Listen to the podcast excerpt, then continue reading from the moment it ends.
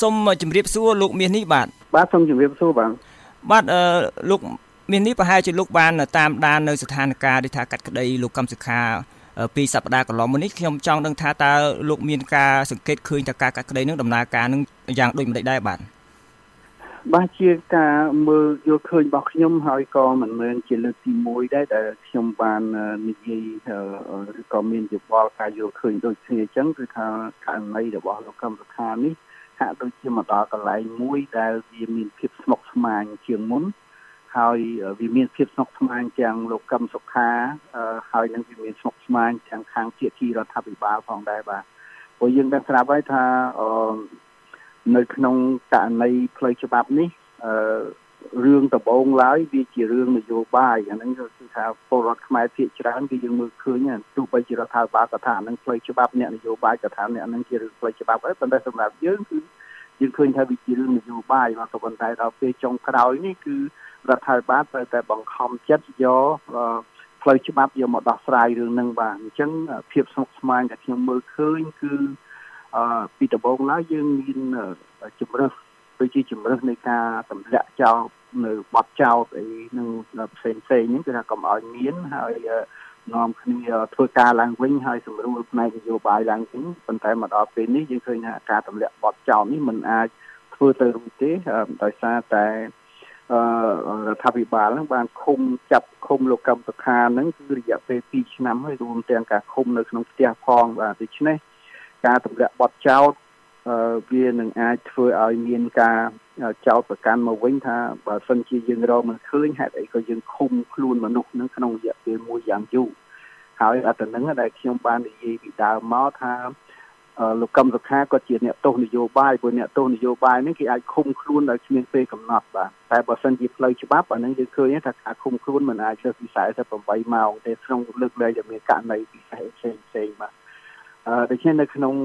រឿងហ្នឹងគឺ វាមិនអាចទៅរួចហើយបើកាលណាទម្លាក់ចប់ជាប់បត់ចោតលើលោកកឹមសុខានៅក្នុងកលៈទេសៈនេះ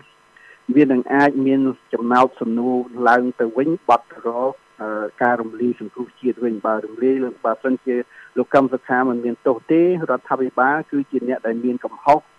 ក្នុងការរំលាយគណៈបកសង្គ្រោះជាតិបាទអញ្ចឹងមកដល់ចំណុចត្រង់នេះការ ទម្លាក់ចោលបត់ចោលនេះគឺมัน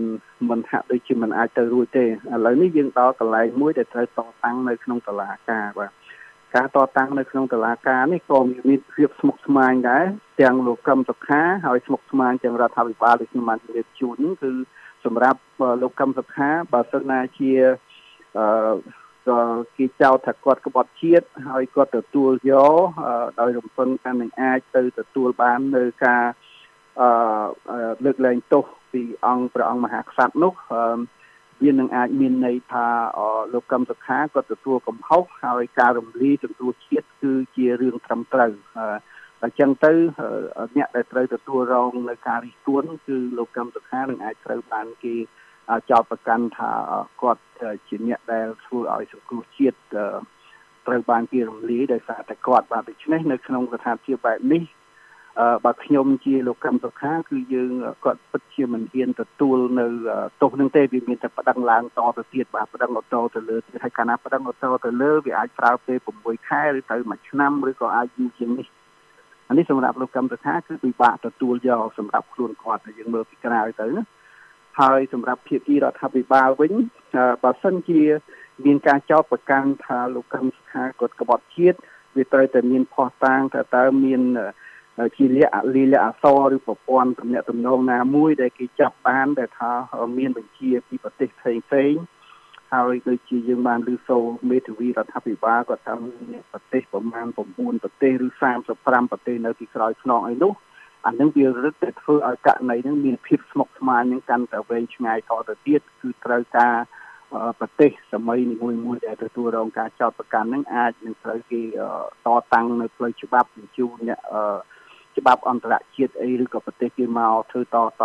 តតាំងគ្នាទៀតអានោះវានឹងអាចប្រើពេលដល់រាប់ឆ្នាំមកទម្រាំនឹងរឿងនឹងដោះដោះស្រាយរួចបាទនេះជាករណីស្មុគស្មាញហើយជាការយល់ឃើញមួយទៀតដែរខ្ញុំគិតថាដំណើរការនេះវាហាក់ដូចជានឹងត្រូវនឹងអ្វីដែលពលរដ្ឋភាគច្រើនគេបាននិយាយថាករណីអឺ លោកទោសលោកកម្មសខានេះនឹងអាចបន្តវែងឡាយទៅដោយត្រូវទៅតាមអ្វីដែលជាយុទ្ធសាស្ត្ររបស់រដ្ឋាភិបាលក្នុងការធ្វើឲ្យទិញការធ្វើការទិញពេលវេលាដើម្បីអបឡាយរឿងនឹងឲ្យរហូតទៅដល់គណៈបកប្រឆាំងនឹងទីមួយអាចទៅដល់មុនការបោះឆ្នោតឆ្នាំ2022និង2023ឬក៏នៅក្នុងកលៈទេសៈពីថ្ងៃនេះទៅដល់ក្នុងមួយឆ្នាំពីរឆ្នាំខាងមុខដែលគណៈបកសង្គ្រោះជាតិ អាចនឹងបែកបាក់គ្នាហើយស្ថានភាពនឹងទាញមកធម្មតាវិញហើយធ្វើឲ្យនិន្នាការរបស់ក្រមចលនារបស់អ្នកប្រឆាំងហ្នឹងគឺมันមានពេលគ្រប់គ្រាន់សម្រាប់រៀបចំខ្លួនដើម្បីឈានទៅរកការប្រកួតប្រជែងបោះឆ្នោតនៅឆ្នាំ2022និង2023ហើយល្បែងនេះជាល្បែងដែលយើងធ្លាប់ឃើញពីមុនមកគឺយើងឃើញថាដើរហ្នឹងมันមានរឿងអីថ្មីទេបាទ បាទអញ្ចឹងតើលោកគិតថាការអូសបន្លាយពេលហ្នឹងមើលទៅវាអាចទាញការចំណេញអីខ្លះពីខាងលោកខាងលិចឬក៏ដូចជាខាងសហគមន៍អឺរ៉ុបបើសិនជាមានការបន្តរឿងក្តីលោកកម្មសិក្ខាដូចថាដូចលោកមានប្រសាសន៍មិញថាវាមានលក្ខណៈកាន់តែស្មុគស្មាញទៅយ៉ាងដូច្នោះនោះបាទអឺបើសិនជាករណីនេះវានៅអូសបន្លាយគឺទីមួយខ្ញុំគិតថាវានឹងមានទទួលរងនៅការរិះគន់ ពីអន្តរជាតិនឹងកាន់តែច្រើនថែមទៀតហើយរឿងបញ្ហា EBA នេះក៏វាអាចនឹងខ្លះទៅជាកត្តាមួយដែលយើងធ្វើឲ្យមានការព្រួយបារម្ភទៅលើផលប៉ះពាល់មកលើសេដ្ឋកិច្ចជាតិផងដែរអឺបើសិនជាមានការភួរការអីដូចតែបានដែលយើងរំពឹងទុកថានឹងអាចមានតនកម្មខ្លះចេញពីសហគមន៍អឺរ៉ុបមកតាក់ទងនឹងរឿង រឿង EPA នេះបាទអានេះវាជារឿងមួយដែលយើងគិតថាវានឹងទទួលរងផលប៉ះពាល់ប៉ុន្តែក៏សម្រាប់ផលចំណេញរបស់អ្នកនយោបាយខ្មែរវិញខ្ញុំមើលទៅឃើញហាក់ដូចជាមិនបានចំណេញអីទេសូម្បីតែនៅក្នុងគណៈបកកណ្ដាលអំណាចហ្នឹងបើសិនជាគាត់អាចឈានទៅរកការធ្វើឲ្យចុះខ្សោយនៅគណៈបកប្រឆាំងបានដោយជោគជ័យអាហ្នឹងវាជារឿងសម្រាប់មួយដែលសម្រាប់ គណៈបកកណ្ដាលទេប៉ុន្តែបើសិនជាមិនបានជោគជ័យនៅក្នុងការបំផ្លាញឬធ្វើឲ្យខ្សោយដល់គណៈបករចនាសម្ព័ន្ធគណៈបកប្រឆាំងទេនោះគឺការការតតាំងគ្នាការប្រកួតប្រជែងគ្នាក្នុងលក្ខខណ្ឌនយោបាយនេះវានឹងកាន់តែមានការពិបាកទៀតនៅពេលខាងមុខហើយ រាល់ការប្រកួតប្រជែងទាំងឡាយណាដែលធ្វើឡើងដោយសេរីនិងយុត្តិធម៌វានឹងអាចធ្វើឲ្យគណៈបកកណ្ដាលមានការពិបាកនៅក្នុងការយកជ័យជំនះពីដៃគូបកប្រឆាំងផងដែរបាទហើយក៏ក្នុងហ្នឹងក៏វាអាចនឹងអស់បលាយទៅហើយទីចុងបំផុតគណៈបកប្រឆាំងដែលជាដៃគូជាមួយគ្នារវាងលោកកម្មពីនិងកម្មលោកកម្មប្រឆាំងនឹងអាចបែកបាក់គ្នាអីទៅអាហ្នឹងក៏វាក៏ជាកត្តាមួយទៀតដែលធ្វើឲ្យអ្នកប្រជាធិបតេយ្យនេះជួបប្រទះវិបត្តិខ្លួនឯងដែរបាទ អញ្ចឹងតើលោកគិតថាខាងគូបដិបកនយោបាយរវាងបកកណ្ដាលអំណាចនិងគណៈបកប្រឆាំងគូគាត់មានការដូចថាងាកមករកការជជែកគ្នានៅក្រៅតុលាការដើម្បីបញ្ចប់រឿងហ្នឹងឬក៏នៅតែបន្ត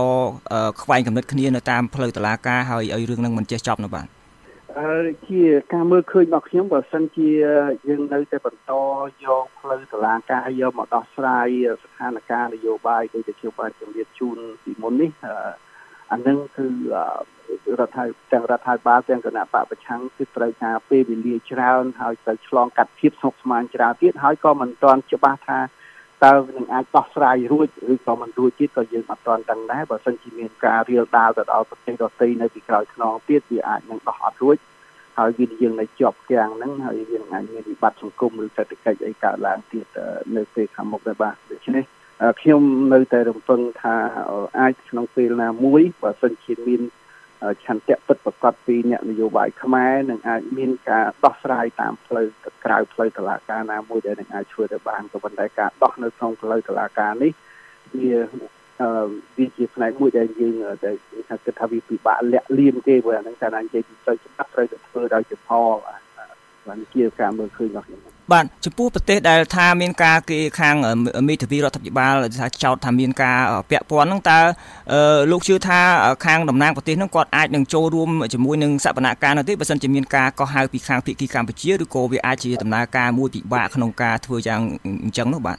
វាជារឿងធម្មតាប្រទេសណាក៏ដោយបើកាលណាត្រូវការទទួលរងការចោទប្រកាន់របស់គេហើយខ្ញុំគិតថាប្រទេសនោះពិតជាមិនអាចនៅស្ងៀមបានទេគេត្រូវតែការពារនៅអធិបតេយ្យភាពហើយនឹងគេឈ្មោះរបស់គេដែលបើសិនជាគេមិនបានចូលរួមហើយយើងចោទគេនោះអឺអាហ្នឹងវាត្រូវតែគឺវាត្រូវតែមានការតតាំងគ្នាហើយខ្ញុំគិតថាគេមិនអាចនៅស្ងៀមទេបាទហើយពិសេសដោយសហរដ្ឋអាមេរិកអីបើចោតគេអឺ មានអឺចោតប្រកាន់គេខ្លាំងធ្ងន់ធ្ងរមែនទែននោះខ្ញុំគិតថាសហរដ្ឋអាមេរិកក៏គេមិនអាចនៅស្ងៀមបានដែរសម្រាប់ប្រទេសគេគេអត់ចង់ឲ្យឃើញថាអឺការលូកលាន់បែបហ្នឹងវាធ្វើឲ្យប៉ះពាល់ដល់ច្បាប់អន្តរជាតិនោះបាទសូមអរគុណលោកបណ្ឌិតមាសនេះដែលបានផ្ដល់បទសម្ភាសជាមួយនឹងខាងសម្លេងសហរដ្ឋអាមេរិកពាក់ព័ន្ធទៅនឹងសកម្មភាពកាត់ទោសលោកកម្មសិក្ខានោះបាទសូមអរគុណសូមជម្រាបលាលោកមាសនេះបាទបាទសូមអរគុណបាទសូមជម្រាបលាបាទ